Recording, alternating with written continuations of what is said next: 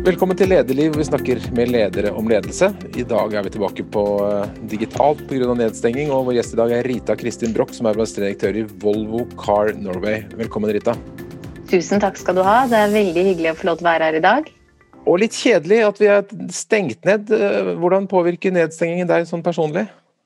Ja, det er jo litt kjedelig. Eh, nå har vi jo hatt Eh, hjemmekontor i snart et år. Det startet jo i mars i fjor. Så sånn personlig så er jo jeg, er jo jeg ganske heldig. Vi har et hus, sånn at eh, jeg har muligheter til å ha eget hjemmekontor. Eh, og veldig mye foregår jo på møter, og vi har jo en ganske stor internasjonal kontaktflate. Og det betyr jo at vi sånn sett er jo ganske vant til å jobbe på Teams. Og i Volvo så har vi jo hatt hele tiden noe som heter flexible workplace. Eh, og det har nok hjulpet oss i denne situasjonen, fordi det betyr at medarbeiderne våre både her i Norge og internasjonalt eh, er veldig vant til å sitte og arbeide bl.a. på Teams. Eh, så, så, for oss så har det vel ikke vært en helt stor altså Selvfølgelig er det en stor endring, men det er en endring som jeg oppfatter at vi har taklet bra. Men, men det er klart at en av de tingene som er viktig i en sånn type jeg vet ikke om vi skal kalle det kriseledelse, eh, det var i hvert fall det i, mars i fjor, det er jo at man er åpen og at man har en kontinuerlig dialog. Så, sånn som For oss i Volvo så har vi jo, satt vi jo i mars i fjor i gang med møter, umiddelbart Teams-møter annenhver dag med alle medarbeidere. For å skape ro, skape retning, skape trygghet. Eh, så det tror jeg har vært veldig viktig. at medarbeiderne har følt seg inkludert og på den måten har klart å opprettholde engasjementet. Så det gjelder jo egentlig oss alle. Men det er klart at vi gleder oss jo veldig til at vi kan begynne å reise rundt, snakke med alle våre hyggelige forhandlere, møte dem, eh, kunne møte hverandre på kontoret og ta del av dagliglivet på kontoret. Mm. Har folk kjøpt bil under pandemien? Ja, definitivt. Eh, det, vi har ikke merket eh, noe til pandemien. Det var klart at det var eh, en liten periode i mars i fjor hvor vi så stillstand. Men alt i alt så ble jo året i fjor eh, kjempebra, og året i år har startet veldig bra. Eh, og det tror jeg er felles for hele bilbransjen, sånn mer eller mindre.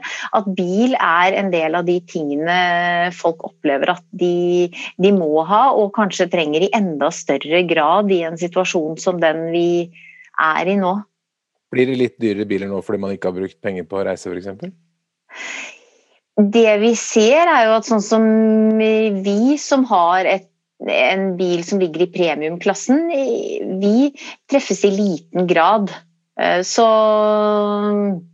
så, så, det er vel det jeg kan si om det. At det virker som om eh, folk prioriterer da å bruke penger bl.a. på bil. Mm. Alle kjenner jo Volvo, men de kjenner ikke din eh, virksomhet. Fortell hvordan den ser ut, den organisasjonen som du leder. Ja, eh, den organisasjonen som jeg leder, Volvo Car Norway, det er en organisasjon som er da eid av eh, Volvo internasjonalt. Eh, og vi er en organisasjon med eksperter som sørger for logistikk av biler inn til Norge. Vi sørger for prising av biler, markedsføring av bilene. Vi sørger for at det sortimentet som er i Norge, er et sortiment som er tilpasset. Vi sørger for at det er riktig, riktig biler i Norge i forhold til de behovene som er her. Um, og vi holder til ute på Fornebu eh, i et bygg eh, som eh, er relativt nytt og veldig fint. Så der mm. trives vi godt. Og dere er ca. 40 mennesker? Ja, vi ligger mellom 40 og 50 mennesker. Og så har vi selvfølgelig alle forhandlerne våre. Vi har 48 forhandlere rundt i Norge. Eh, sånn at eh, vi er jo dekket i hele Norge i forhold til hvor du da kan kjøpe en Volvo. Og du skal ikke trenge å kjøre veldig langt for å kunne kjøpe en Volvo i Norge. Vi ønsker å være over, til stede overalt. Mm. Og veien din dit, altså Du kom fra Diplomi, så før det så var du sjef i Sunnkost og vært i Rice-gruppen og Nikita og litt av Men hvordan startet Når var din aller første lederoppgave? Hadde du noen lederoppgaver allerede som barn? Jeg syns vel det var veldig morsomt som barn å kunne være, være leder når vi hadde gruppeoppgave på skolen. Mm. Eh, så det, og det jeg husker aller best fra det, det er jo i sjette klasse, hvor jeg virkelig hadde lyst til å være gruppeleder. Eh, jeg tror det var det som het O-fag den gangen, det er veldig ja, ja, lenge siden. Det husker vi. Ja, det husker sikkert du også. Jeg tror vi er født omtrent samme år, ja. ja. Så O-fag, og det var jo egentlig alt mulig rart. Det var vel litt naturfag og litt samfunnsfag. Eh, men, men, og jeg spurte da læreren min om jeg kunne få lov til å bli gruppeleder, og så sa han til meg det at uh, Rita, jeg tenker at eh, det er en at jeg ønsker å sette en annen til gruppeleder, for at du vet hvordan du skal gjøre dette, og jeg ønsker at alle skal få lov til å øve. Og jeg syns det var litt urettferdig, for at jeg hadde så lyst. Men Så ja, men sånn er livet. jeg skjønner godt den følelsen, men det får man jo på, uh, trene på. Og så uh, veien videre. Når fikk du din første jobb som leder? For du startet, uh, du har jobbet i Lilleborg, men når fikk du lederansvar i, i, arbeidslivet? I 1993, så siden 1993 så har jeg vært leder. Da ble jeg det man på Lilleborg den gangen kalte produktgruppesjef, og hadde da ansvaret for tre produktsjefer. Um, Hvilke produkter jeg... hadde du? Eh, da jeg begynte på Lilleborg, så hadde jeg Lano, bl.a. Lux mm. og Sterilan. Wow, og jeg ja. har jo hatt eh, Pons, Vaseline Intensive Care, Pierre Aubert, eh, så Nautrogena. Så det handlet om personlig vask og hygiene. Og kosmetikk. Per Robert er morsom. Jeg var jo med på eh, oppstarten av Per Robert i, i Norge som uh, klesmerke inn i Orkla der. Det var jo ja. en veldig morsom historie. Ja. Jeg leste meg opp på historien bl.a. fra han uh, svenske gründeren som i utgangspunktet hadde laget Per Robert-navnet. Han hadde jo to sønner som het Per og Robert. Og så ville han mm. lage et uh, kosmetikkmerke og bygget det på sine sønners navn. Så det er en morsom historie. Men, men denne, du har altså hatt en, en reise da fra uh, å si, rengjøring, is, hår, is, bil? Altså, hva, hva, er felles i disse tingene? Felles er eh, det å klare å skape resultater sammen med andre. Uh, jeg har jo jobbet 15 år i retail, og jeg har jobbet ca. 15 år i dagligvareindustrien. Og det handler egentlig om å skape. Det handler om gleden å få lov til å være med å skape noe sammen med andre. Eh, det er det som er driveren for meg, og som jeg syns er utrolig spennende. Er det noen eh, spesielle opplevelser på den lederreisen som du tenker har formet deg som leder? Ja, jeg har jo hatt veldig mange fantastiske ledere, og jeg har hatt eh, mange morsomme opplevelser og mange lærerike opplevelser. Og en av de opplevelsene jeg kan trekke frem, det handler jo om å lytte til andre. Det er jo en veldig viktig egenskap som leder. Eh, og eh, jeg husker jo godt jeg skulle lansere noe som het Lux ansiktsvask. Det må ha vært i 1992. Mm. Og jeg gikk jo da systematisk gjennom alt av kilder, sånn som man var opplært til da på Lilleborg, for å finne da et rett volum. For dette var jo et helt nytt produkt. For den gangen vasket vi oss bare da med fast såpe, eller fast sepe, da, som man sa på Lilleborg. Og dette var et flytende produkt, uh, og jeg regnet jo ut uh, veldig mange tonn som vi skulle selge av dette produktet basert på alle kildene. Og så fikk jeg jo gode innspill da, på at kanskje ikke alle kildene var like gode. Og at mm. kanskje jeg burde tenke litt sånn og sånn. Eh, og så lyttet jeg jo på det som ble sagt, men eh, jeg hørte, hadde vel egentlig ikke så lyst til å høre på det. Sånn at jeg tenkte at dette kom til å gå kjempebra, og bestilte jo et voldsomt volum av dette produktet. Eh, og som da selvfølgelig ikke solgte. Så, lærer, så ja, selvfølgelig solgte det noe, men det solgte jo ikke det store volumet som jeg hadde håpet. Så man kan vel si det sånn at i 93 så var det ganske mye salg på Lux ansiktsvask rundt omkring. Men, men det, er en, det, er jo en, sånn erfaring som gjør at du du tenker at du virkelig Du må lære, og du må lytte. Um, Hvordan også... håndterte dine ledere da det at du hadde gjort uh, den feilen, på en måte?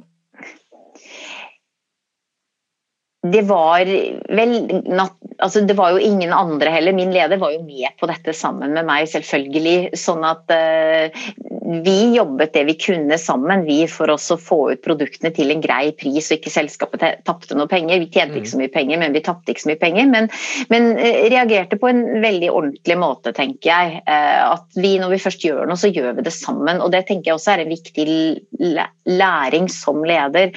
At hvis du er i tvil rundt det en medarbeider foreslår, men likevel sier ja, da er du inni det, og da må man gjøre det sammen. Og hvis du som leder mener at dette er helt feil, da må du faktisk si nei. Du kan ikke komme etterpå. Uh, og jeg tror også så lenge man har en åpen dialog, og det hadde vi jo den gangen, uh, så, så, læringen der er jo at det man gjør sammen, det må man stå i sammen. Og så må mm. man rydde opp sammen. Og det, det gjorde vi andre opplevelser du har lyst til å trekke frem? Ja, jeg har også lyst til å trekke frem uh, den måten vi gjorde eller utarbeidet strategi på på Lilleborg i den tiden hvor jeg var der. Fordi at eh, det var en veldig inkluderende og visjonær måte. Vi ble veldig dratt med i det å utarbeide mål og strategi. Sånn at alt var på en måte bottom up, som vi kalte det. Altså du lagde planene fra bunnen av, og du var med. Og på den måten så får du jo et, en egen tilhørighet til det du gjør, og du får et eget engasjement. Og du og du opplever jo gleden av å skape. For jeg tror at en av de viktige driverne i det å få til vellykket ledelse, det handler om driveren som folk har, driveren i det å skape. Mm. Um, og så har jeg jo også en annen viktig eh, erfaring som jeg har lyst til å dele, og det har jeg med meg fra Race-gruppen og Inger Ellen Nikolaisen, som sa det at det er utrolig viktig å se mennesker. Mm. Um, og det å se mennesker som leder og lytte til dem, se dem, det gir mennesker faktisk en økt selvfølelse og en økt selvtillit og en følelse av mestring. For det er den andre viktige driveren i ledelse. For når du har fått lov til å være med å skape noe, så må du også få lov til å være med og få ta på følelsen av det å mestre. Mm. Eh, og får du da til mestringsfølelsen, så, så har du gjort utrolig mye. Så som leder å klare å, å, håndtere de to driverne, det tror jeg er kjempeviktig. Altså driveren rundt gleden av å skape og gleden av å mestre. Men hvordan, hvordan skaper du den gleden av å skape? Altså, hvordan får du folk til å få lyst til å skape? Um, ja, og da, da, tenker jeg at vi egentlig kan bevege oss litt inn på det som heter endringsledelse. Fordi at uh, endring og det å skape det henger veldig, veldig mye sammen. Um, og for å få folk til å ha lyst til å skape, så må folk føle at de er med. Eh, og folk må forstå hvor de er. Så det som jeg har gjort da, i praksis for å få til det, det er at eh, Eller det som jeg tror er veldig viktig, det er at folk, selv om man tror at folk ser det samme og er på det samme ståstedet, så er min opplevelse at det er, det er ikke medarbeidere. Eh, det kan se sånn ut på overflaten, men, men, du kan tenke deg selv at man kan stå på høyre og venstre side av et fjell, og så sier eh, lederen 'gå til høyre opp på fjellet'. Og hva skjer da med de som står til høyre for fjellet? Går de opp på det fjellet de skal på, eller går de opp på neste fjell? Mm.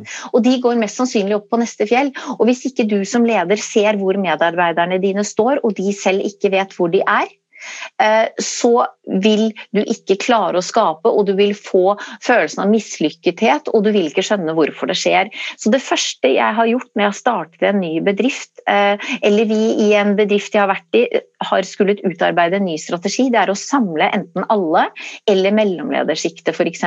Opp i 100 mennesker kan du samle. For å skape en felles virkelighetsforståelse. Hvor er vi? Hvor står vi? Gjennom presentasjoner som alle har fått lov til å forberede. Hvor, hvor, hvordan ser konkurransen ut? Hvordan ser kunden ut? Hva tror vi om framtiden? Hvilke miljøpåvirkninger er det? Sånn at vi alle sammen skaper oss dette felles bildet. Og når vi da først har det felles bildet, da blir det mye lettere å sammen si ja, men hvor er det vi vil?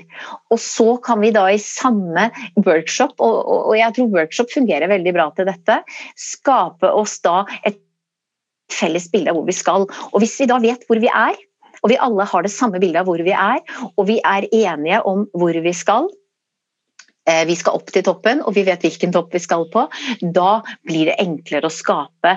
Sånn at det jeg, har, det jeg tror på, det er at man i en sånn type endringsprosess eller det å skape en ny strategi, så tror jeg det er kjempeviktig at man da etter å ha skapt dette felles eh, bildet av hvor vi er, at man på nytt setter seg ned og går igjen ja, men hvilke utfordringer har vi da? Og så gjør man dette også i gruppearbeid. Eh, og da kommer det alltid opp masse utfordringer, og så prøver man å koke det ned. Og så kan man bruke disse utfordringene igjen til å tegne opp ok, hvordan, hvilke styrker og svakheter har vi som bedrift, hvilke muligheter eh, og trusler står vi ovenfor som bedrift. Og så jobber man gjennom det i gruppearbeid, igjen i relativt bredt gjerne samtidig i en felles workshop.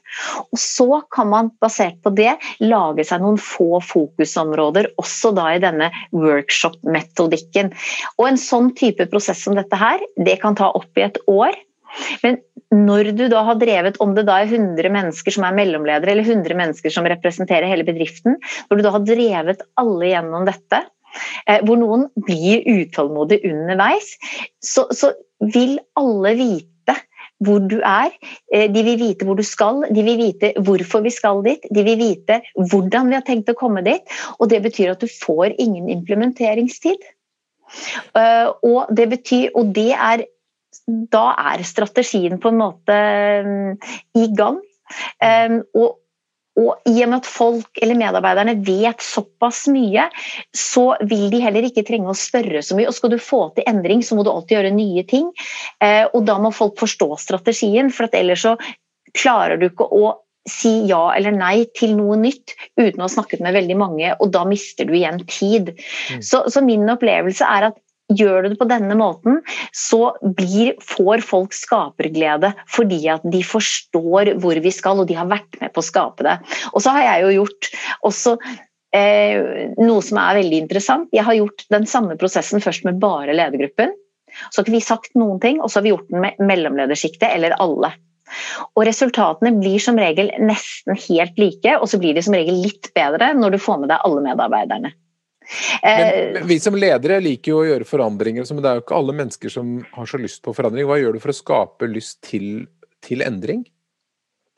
Ja, jeg har opplevd at denne prosessen som jeg nå har beskrevet, hvor du har med veldig mange i prosessen, er at nesten alle altså hvis, Nå er det vanskelig å sette tall på det, da, men min erfaring er at når du tar med folk i det å beskrive nå-situasjonen, og folk sammen forstår nå situasjonen og forstår bildet av hvordan blir framtiden hvis ikke vi gjør en endring. Da får nesten alle alle får lyst til å endre, og så er det fremdeles noen som er usikre på om de kommer til å klare å mestre det.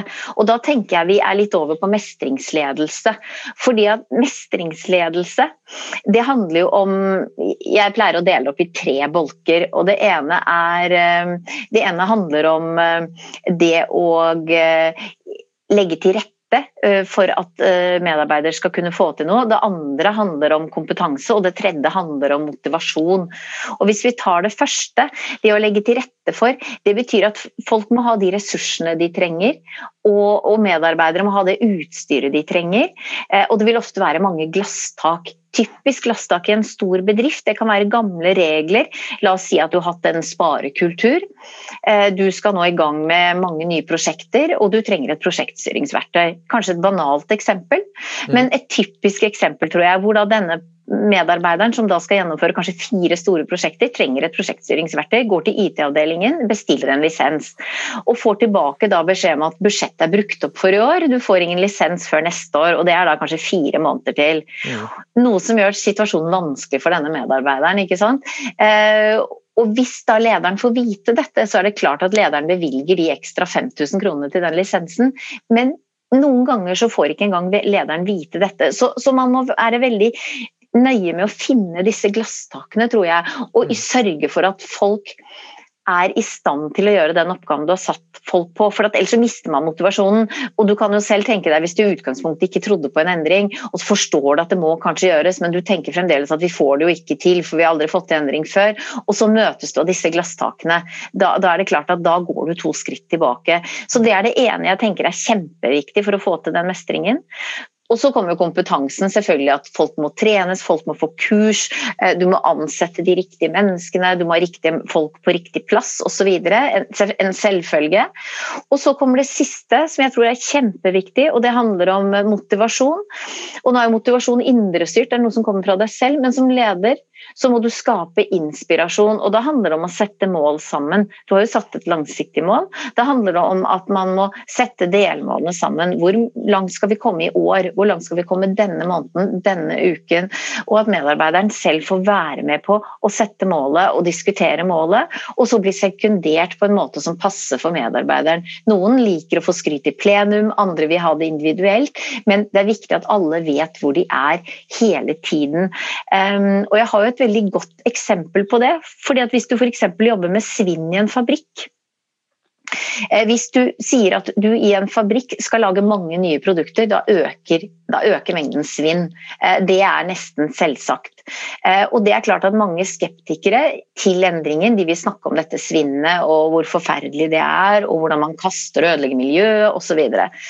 Men man da, det man da må gjøre, det er å få alle engasjert i svinn og da må du sekundere. Så en måte er å gjøre det på, det er å oversette f.eks. hvert gram, hvis du da produserer en matvare, og oversette hvert gram til kroner.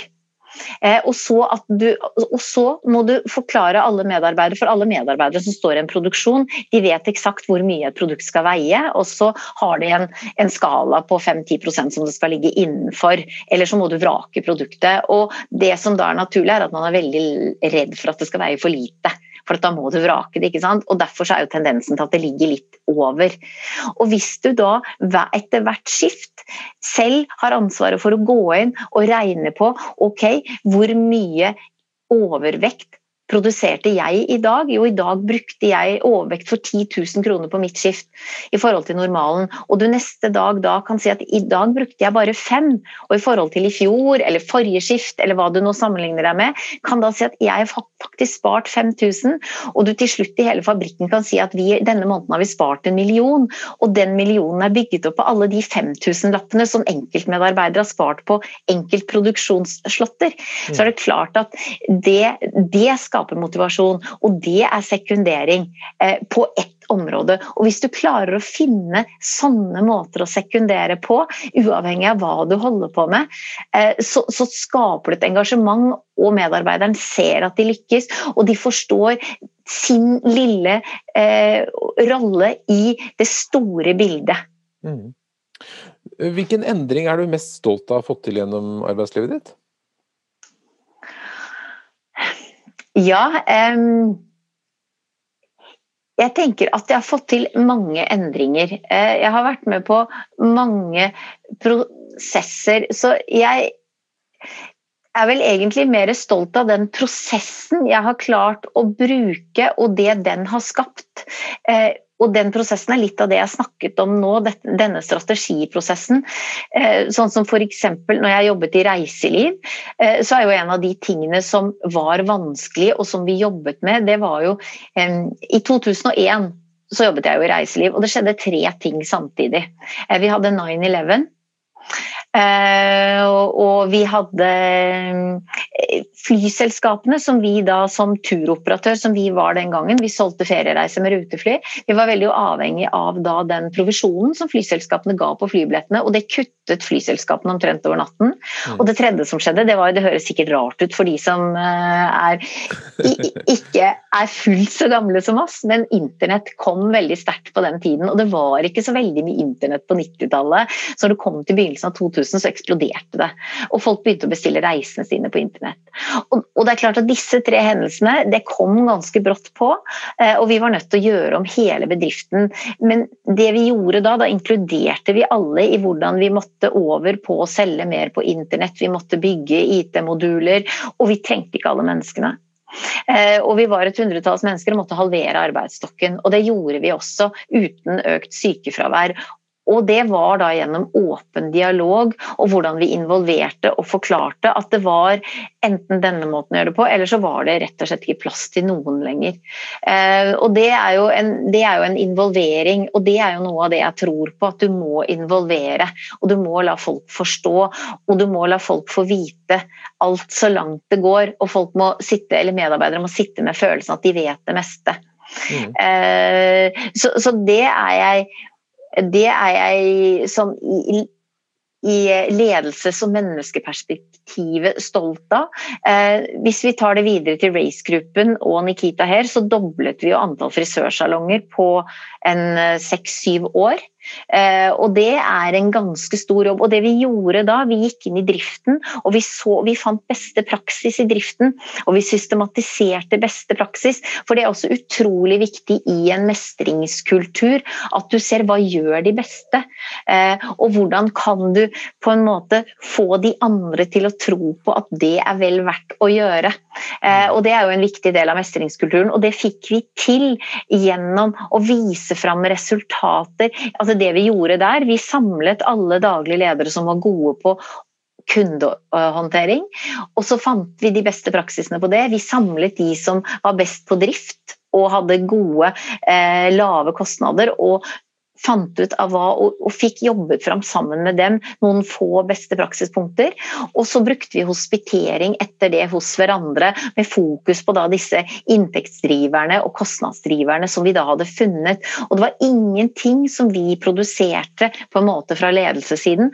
Alt var produsert og laget gjennom hver enkelt eh, enhets eller salongs eh, daglig leder. Um, så, så det også da å kunne bruke medarbeiderne til beste praksis, sette rutiner, det, er, det tenker jeg også er eh, noe å ta med seg videre. da. Mange gode, konkrete grep. Men nå har jo du, du, du kom til Volvo da i desember 2019, vel. Og det har ikke vært så enkelt kanskje å gjennomføre den ønskede strategiprosessen under de forholdene som har vært, eller har du klart å gjøre det? Ehm, jeg, begynte i november 2019, eh, og vi startet jo ganske raskt. Allerede i januar så startet vi med en kartlegging av omverdenen. For det er klart at i bil så det, er det ekstremt store endringer. Du har elektrifisering, det handler om drivlinjer, altså hvilke motortyper. Og vi i Norge som eh, da eh, har eh, Vi ligger jo først, vi ligger på verdenstoppen i elbil. Du har digitaliseringen som gjør at kunden krever utrolig mye mer i forhold til at det skal være enkelt å starte bilen, håndtere bilen, ha ha kontakt med bilen. Eh, og så har du dette med mobilitet.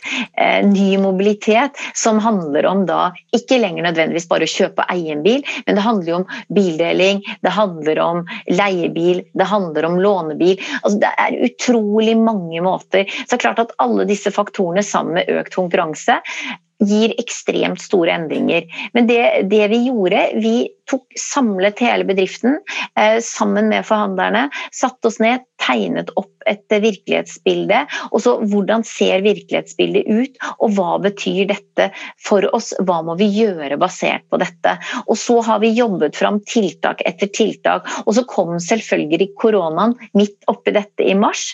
Eh, og vi fortsatte, vi stoppet ikke opp. Vi har kjørt workshoper da digitalt, eh, med da type breakout sessions. Eh, vi lagde da våre egne breakout sessions. Nå er det jo kommet også funksjonalitet for det. Og det fungerte veldig bra. Eh, vi hadde gruppearbeid også på Teams, mm. eh, og vi stoppet ikke opp. Eh, men det vi også har gjort i, i denne perioden, vi har hatt ukentlige møter med alle medarbeidere. Vi har hatt månedlige digitale møter med alle forhandlere. Så vi har hele tiden gitt all den informasjonen vi har. Vi har hatt diskusjoner, informasjon, dialog. Og ikke stoppet opp. Vi har heller økt på med informasjonsmengde for å skape trygghet. Eh, noe jeg tror er kjempeviktig når det kommer en sånn type situasjon som dette. For folk trenger et holdepunkt. Eh, og bare det å få informasjon, det å vite at du har et digitalt holdepunkt, det er mye, mye bedre enn ingen holdepunkter. Eh, så på den måten så opplever jeg at vi selv i dag, etter alle disse månedene på hjemmekontor i Volvo, at medarbeiderne de gjør en fantastisk innsats. Jeg, er, jeg må si jeg er så imponert over den arbeidsglød og den innsats og den trøkk som vi fremdeles har. Eh, og man skulle nesten ikke tro at det var mulig, men om noe så vil jeg si at folk jobber nesten enda mer. Og i hvert eneste allmøte vi har, hver mandag har vi det klokka tolv, benytter jeg sjansen til å si at dere må komme dere ut midt på dagen. Bruk lyset. For det tror jeg også er kjempeviktig for å klare å fortsette i en sånn type situasjon som vi er i i dag. Kan du røpe litt av hva som er strategien deres? Hva blir de viktigste tingene for deg å få gjennomført de kommende årene? Ja, selvfølgelig. Elektrifisering er jo noe av det som er det aller viktigste for oss. Eh... Jeg, venter på, jeg, venter på, en elektrisk Volvo som kommer rundt påske, sier de. Du gjør det, ja. Så bra. så bra, ja. Eh, det er jo XC40, og det er jo en fantastisk bil. Ja, så, så, vår plan er jo å komme med en eh, ny elbil hvert år eh, de neste årene. Og på internasjonalt nivå så er jo målet at vi skal ha 50% skal være helelektrisk innen 2025. Og i Norge så kommer vi vel til å være veldig mye lenger enn det, tror jeg, når vi kommer til 2025. Så jeg tenker at det er veldig, veldig viktig for oss. Og så er jo selvfølgelig det å jobbe videre med sikkerhet, som alltid har vært uh, Volvos uh, mantra. Uh, vi kom jo med trepunktsserie i 59. Det, det, er jo noe av det som er kjempeviktig. Å jobbe med fører, førerassistanse. Vi har jo Volvo on call. Så skulle du være ute og være uheldig, så vil jo Volvo on call med en gang slå inn, sånn at du da ikke trenger å gjøre noen ting. Hjelpen tilkalles automatisk. Noen noen kommer og snakker med deg i bilen. Eh, sånn at dette handler også da om connectivity, at du på en måte er Vi bruker digitaliseringen til å koble deg inn til bilen. Eh, og det er jo noe av det som vi ser på er kjempeviktig. Forbrukeren vil gjerne at det skal være enkelt, eh, det skal være personlig. Og, det jobber vi veldig med. Og så jobber vi selvfølgelig også utrolig mye med dette med sustainability og at utslippene skal bli lave. Og Volvo er jo en av de bilene, hvis du tar hybridene våre, som kjører mest på strøm. Eh, så, og Det er vi veldig fornøyd med, og det er veldig viktig. at Har du en hybrid, så bruker du strømmen, og det gjør våre Volvo-eiere.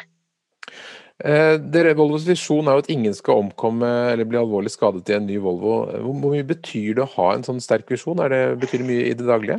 Ja, jeg opplever at det betyr utrolig mye å ha en sterk visjon. For oss i Volvo så er det kjempeviktig, eh, og, og, vi er veldig opptatt av det hele tiden. Eh, og, og, jeg tror at det, hvis man skal snakke i et generelt ledelsesperspektiv, da, så tror jeg det å ha sterke visjoner, enkle, sterke visjoner, er noe av det For i den travle hverdagen så vet vi jo selv hvor mange ting vi har å tenke på, eh, og da tror jeg det å ha ha en enkel og sterk visjon er utrolig viktig for at folk eh, og medarbeidere skal gå i riktig retning og, og samles da og, og, klare rett og slett å gjennomføre jobben sin på en god måte. Mm. Du nevnte et par endringer, men det som jo skjer er også at dere går fra at man bare kjøper en bil, til at man i større grad kan leie en bil eller rett og slett kjøpe mobilitet. Hvordan, hvor fort kommer den endringen til å skje, tenker du? Du, Den endringen er jo helt og holdent styrt av forbruker. Sånn at eh, Det er jo forbrukeren som må bestemme hvordan de ønsker å ha sitt bilhold. Om de nå ønsker å kjøpe en bil, eller om de ønsker å leie en bil på kort eller lang sikt, eller om de ønsker andre løsninger. Det som er viktig for oss i Volvo, er at vi har de tilbudene tilgjengelig som forbrukeren ønsker. Eh, sånn at eh, forbrukeren, uavhengig av hvilken form for bilhold de kan tenke seg, at vi da i Volvo kan tilby det. Men er det jeg har sett dere har markedsført den. Er det mange som ønsker å leie en, en ny Volvo fremfor å kjøpe en? Ja, det er, og i Norge så er det jo eh, ganske mange som eh, Ja, absolutt, vil jeg si. Og i Norge er man jo vant til det også. Man, I Norge så er det jo et stort antall som også leaser biler. Eh, og det betyr jo at du eier den jo ikke, du betaler et forskuddsleie, og så har du en månedsleie. Og så har du den gjerne i tre eller fire år. Det vi også har i Care by Volvo, er jo en fleksibel løsning hvor du da kan Du slipper å betale forskuddsleie, og du kan levere inn bilen på tre måneder hvis du angrer deg, eller hvis du ønsker deg en annen bil. Eh, og hvis du regner sammen, setter opp regnestykket, så vil du se at det er, det er et gunstig tilbud. Og da er jo forsikring Alt bortsett fra bompenger og drivstoff er jo inkludert. Mm. Mye av det du har jobbet med, nesten alt jobbet med, handler om salg og markedsføring. Hvordan opplever du at salg har endret seg disse siste 20 årene? Eh, jeg vil jo si at digitaliseringen har hatt utrolig mye å si for måten eh, salg foregår på. Fordi at Går du tilbake 20 år Jeg tenker du nesten må tilbake 30 år. Ja. Fordi Går du tilbake 20, så, så er ikke Jeg vil si at forandringen var mest dramatisk egentlig på 90-tallet, fra 1990 til 2000. Og det kom jo med internett, for da begynte digitaliseringen. Eh, sånn at eh, går du tilbake til 90-tallet, så vil jo et eh, salg være veldig personlig. Og orienteringsfasen var også personlig. I dag så vil ofte orienterings fasen være digital, mens eh, neste fase i salget, hvor du mer skal bestemme deg, blir personlig i dag. Eh, og så er jo det som er spennende i framtiden, blir også denne beslutningsfasen digital, mer digital, og det ser vi jo at den blir, eh, og stadig for dyrere produkter. Så, men, men, fremdeles så vil det nok være sånn at folk har lyst til å gå og ta og føle på produkter produkter. Eh, men når du kjøper noe du kjenner, så tror jeg nok at vi vil se en heldigital eh, vi vil se en heldigital eh, kjøpsprosess. Og jeg tror det blir vanskeligere å få folk til å endre hvis de først er fornøyd med noe. Fordi at du går ikke inn, du blir ikke påvirket. Du bestemmer på en måte litt mer selv hva du vil påvirkes av. Men uh, lojalitet, uh, f.eks. i bilmarkedet, er, er det, vil Volvo-kjøperne fortsatt kjøpe Volvo, eller er de mer flyttbare til andre merker?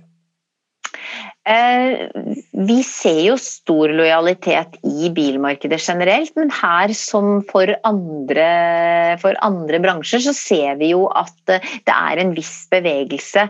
Eh, og for de som har ønsket seg elbil, så har det jo vært i en periode nå hvor det har vært begrenset, begrenset antall med elbiler. Eh, litt sånn at den siste modellen er den mest populære modellen. Og så tror jeg det kommer til å forandre seg igjen når alle for, fordi at Hittil så har jo det å ha en elbil vært et konkurransefortrinn. Eh, hvis vi går fem år fram i tid, så vil jeg tro at de fleste bilprodusenter er eh, godt oppe og står på også denne drivlinjen. Og da vil det igjen være de andre, eh, de andre eh, spesielle karakteristikkene til de ulike brandsene eller ulike merkevarene som vil være styrende. Og sånn som for Volvo så er det jo, eh, så er det jo bl.a. dette med sikkerhet som er veldig viktig. Vi, vi, jobber med sikkerhet og vi jobber med eh, sustainability og vi jobber da med personlighet, dette som jeg nevnte for deg i stad. Mm. Eh, så da tror jeg de tradisjonelle, hvis man kan kalle det det, verdiene kommer mer tilbake. Eh, og det ser vi jo allerede. Mm. Men dere har jo en ganske klassisk eh, organisasjon med da en, en um, importorganisasjon og så et sett med uavhengige forhandlere. I mange andre bransjer ser man jo at det er i endring, og hvor, hvor selskapet selv tar kontroll over hele verdikjeden. Er det en aktuell trend også i, i bilbransjen? Eh, bilbransjen er jo i bevegelse, sånn som vi ser i andre bransjer. Og det er jo flere bilmerker som går over og snakker om eh, online-salg, og som snakker om online direktesalg. Og det er jo en måte å ta kontroll over verdikjeden på. Eh, så, og det er naturlig i Der hvor du får økt konkurranse, så vil det være naturlig. Der vil du alltid få en naturlig utvikling i form av at eh, noen vil forsøke å ta kontroll over større deler av verdikjeden. Blir det et eh, dilemma for deg at du har et forhandlernett som du skal dyrke og pleie, og samtidig kanskje begynne å konkurrere med dem på direktesalg? Du, Du, eh, vi har et fantastisk forhandlernett, eh, og vi er svært avhengig av forhandlernettet vårt. Og det kommer vi til å være i framtiden. Eh, og på bil så vil det alltid være veldig, veldig viktig at eh, forhandlerne, eh, at kunden har en forhandler de kan gå inn til, de kan snakke til, og som tar dem igjennom kundereisen. Vi vil ikke klare oss i markedet uten de utrolig dyktige forhandlerne som vi har i dag. Eh, og det å jobbe med online direktesalg, det betyr bare at kunden har en mulighet, hvis kunden ønsker, til å bestille bilen sin på nett. Men vi vet at de aller fleste kunder ønsker like fullt å gå inn til forhandleren og gjøre sin handel der, og det kommer de til å fortsette med i lang tid. Eh, så, så vi jobber sammen med våre forhandlere, og vi klarer oss ikke uten våre dyktige forhandlere. Mm. Du, du, følger jo da med på hva som skjer i bil og utvikling av bil sikkert mange år fremover. Hvordan, hvor fort går denne overgangen som vi har lest om med selvkjørende biler og, og altså, kommer barna, kommer, hvor, hvor, fort får vi selvkjørende biler sånn jevnt over, og kommer barnebarna våre i det hele tatt til å starte og stoppe bilen? Det er jo et uh, veldig interessant spørsmål, og det er jo også et uh, Ja. Um, hvis vi ser bakover i tid, da, så, så en, en, måte å svare på er kanskje at på begynnelsen av 1900-tallet eh, så var det ekstremt mange hester og kjerrer i New York. og man hadde krisemøte Eh, jeg tror det var i 1898, så hadde man et krisemøte hvor man da hadde, eh, man hadde framskrevet hvor mye hestemøkk det kom til å være i gaten når man kom til 1930. Og da sa man at i 1930 så kommer da hestemøkka til å gå opp til tredje etasje på bygningene. Og de visste ikke hva de skulle gjøre, for med velstanden så økte mengden hestemøkk. Eh, og da var det ingen som hadde noen tanke om at det skulle komme vogner som kunne kjøre uten hester. Og så tok det jo ikke mer enn et par år før da det kom både elbiler og det kom det vi i dag kaller en, da, en bensin- eller dieselmotor. Mm. Og jeg tror at dette skjer gang på gang, og vi har i Vi har jo sett det mange ganger. Hvem skulle tro at vi ikke kom til å trenge, trenge filmruller lenger? Eh, Kodak trodde ikke det. Eh, hvem trodde at vi skulle slippe å ha både en PC, en telefon og en TV? Vi, vi har bare én enhet. Jeg husker selv jeg satt i sofaen, og det er ikke så mange år siden. Det er kanskje ja, 10-15 år siden så satt jeg i sofaen og hadde PC-en der, TV-en der, telefonen der og tenkte åh, tenk om jeg kunne hatt én enhet som gjorde alt. eh, så, så, og skal vi trekke noen eh, slutninger basert på de tre eksemplene, så tenker jeg at ja, det vil de mest sannsynlig gjøre. Dvs. Si, de trenger ingen nøkkel, det trenger de jo ikke i dag heller. Men uh, jeg tror at kommer, utviklingen kommer til å gå lenger enn det vi tror at den kommer til å gjøre. Og det kommer til å gå fortere enn det vi tror at det kommer til å gjøre. Det er utrolig spennende å tenke på. Uh, er Norge langt fremme på å ta i bruk ny teknologi? Er nordmenn glad i endringer?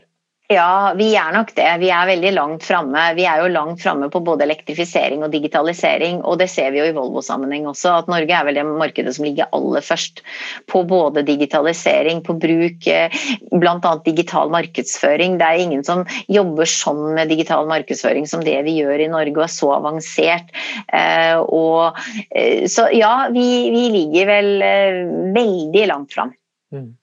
Hva er de største utfordringene i jobben, hva, du, hva er det du grubler på som du syns er vanskelig i den oppgaven du har fått? Hva som er vanskelig? Jeg tenker, altså min, jeg tenker egentlig sånn at det er ingenting som er vanskelig, men det fins jo alltid utfordringer du må bruke mer tid på enn andre ting. Eh, og, og, det som er viktig, da, det er å bruke nok tid på å prioritere å bruke nok tid på å få medarbeidere til å være trygge i en situasjon hvor det er mye endringer. Så jeg tenker at det er noe man skal passe på å, å, å bruke nok tid på. Skape trygghet, skape ro, skape holdepunkter. Eh, og et holdepunkt kan jo være rett og slett å si at nå skal vi endre oss. Og selv det er et holdepunkt som trygger folk. Mm. Så, så, det tror jeg Bruke nok tid på å skape ro og skape forståelse for hva vi gjør og hvorfor vi gjør det. Om det nå er hos medarbeidere, forhandlere, altså i hele verdikjeden. Helt til eh, slutt, og, ja. Hadde du en ting til? ja, det var egentlig det også som jeg snakket med deg om i stad. Dette å finne disse glasstakene. Eh, mm. For at når du jobber med endring, så dukker det opp nye glasstak som ikke har vært der før. Fordi at du skal igjennom, du skal gjøre ting på nye måter. Og jeg tenker også da å prioritere å bruke nok tid på å finne de glasstakene. Og det kan jo f.eks. være en omorganisering hvor folk skal begynne å jobbe på en ny måte internt hos forhandler osv. Eh, som da gjør at kanskje noen kommunikasjon kommunikasjonslinjer forsvinner. ikke sant? Og du, du må bare passe på at du, at du, ser alle disse tingene. Bruke nok tid på det. Mm.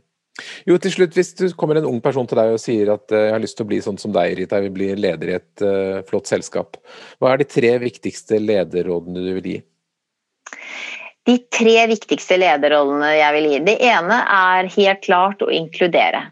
Du må inkludere medarbeiderne, medarbeiderne og lytte og se dem eh, og ta dem med. Mm. Det tror jeg er ekstremt viktig. Så må du eh, øve på å klare å ta et helikopterperspektiv over situasjonen. Fordi at du må være i stand til å se hvilke utfordringer som kan oppstå, avhengig av ulike retninger du kan velge. Eh, sånn at eh, involvere det å ha et helikopterperspektiv, og så vil det siste være at uh, godt nok er godt nok. Du må på en måte ta beslutninger, og du må tørre å ta noen beslutninger for å komme videre. Og med det mener jeg at det er en utrolig viktig lederoppgave å akseptere feil. Fordi at uh, Hvis du skal ha til en endring og du skal ha et tempo, så er du helt nødt til å være raus og jeg pleier å si at det er mye bedre å gjøre ti aktiviteter hvor to blir feil, og så lærer vi av de to, enn å ikke gjøre noen i det hele tatt. Da får du fart, og da får du glede, og da får du eh, skaperglede og raushet i organisasjonen, eh, og da skjer det ting. Var en fin avslutning. Rita Kristin Broch, tusen takk for at du kom til Lederliv. Du, det var veldig hyggelig å få lov til å være her. Tusen takk skal du ha. Lederliv er en podkast fra Apeland. Vi legger ut nye episoder hver fredag, og du kan trykke abonner, så får du et varsel. Redaksjonen består av Ellen Paulsen, Lars Jarle Melum, Lars Volden og meg, som heter Ole Kristian Apeland. Vi er veldig mottagelige for ros og ris på e-post til meg, ole at apeland.no. Eller du kan gi oss en stjerne der hvor du hører podkasten. Takk for at du lytter.